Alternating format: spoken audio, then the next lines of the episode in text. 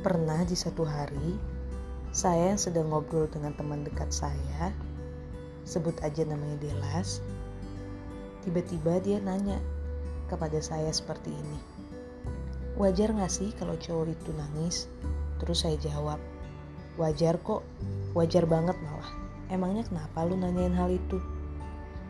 Terus si Delas nanya lagi, kalau itu hal yang wajar, tapi kenapa masih banyak orang-orang di luar sana yang bilang kalau cowok itu nggak boleh nangis.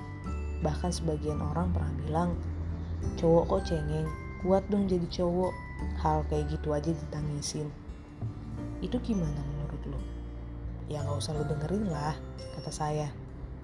Toh lagian cowok kan juga manusia biasa. Cowok juga punya perasaan dan hal wajar banget kalau seorang cowok itu nangis.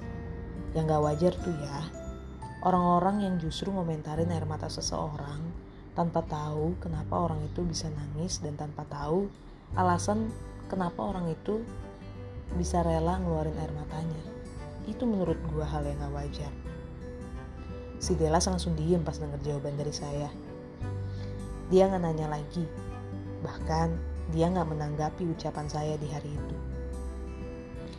Tapi apa yang dikatakan Delas, pertanyaan yang dia berikan kepada saya gak sepenuhnya salah. Karena memang kenyataannya sampai hari ini masih banyak orang-orang yang menganggap kalau cowok itu nggak boleh nangis. Kalau cowok itu harus kuat katanya. Bahkan bukan hanya soal cowok yang nggak boleh nangis. Beberapa orang juga sering mengatakan hal seperti, Di ngapain sih suka Korea? Kebanyakan cowoknya kan pakai make up. Bahkan beberapa orangnya sering operasi plastik.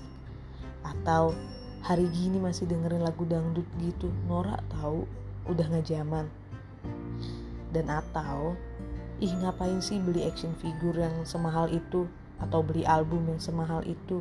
Atau beli tiket konser yang semahal itu? Mending duitnya juga ditabung.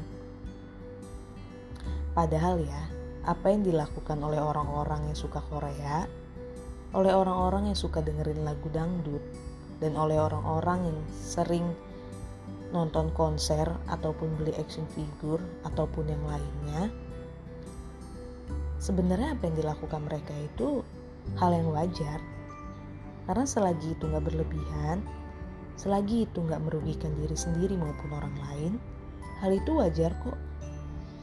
Yang nggak wajar tuh ya, justru orang-orang yang dengan seenaknya berkomentar seperti tadi, tanpa mikirin perasaan orang lain saat mendengar komentarnya.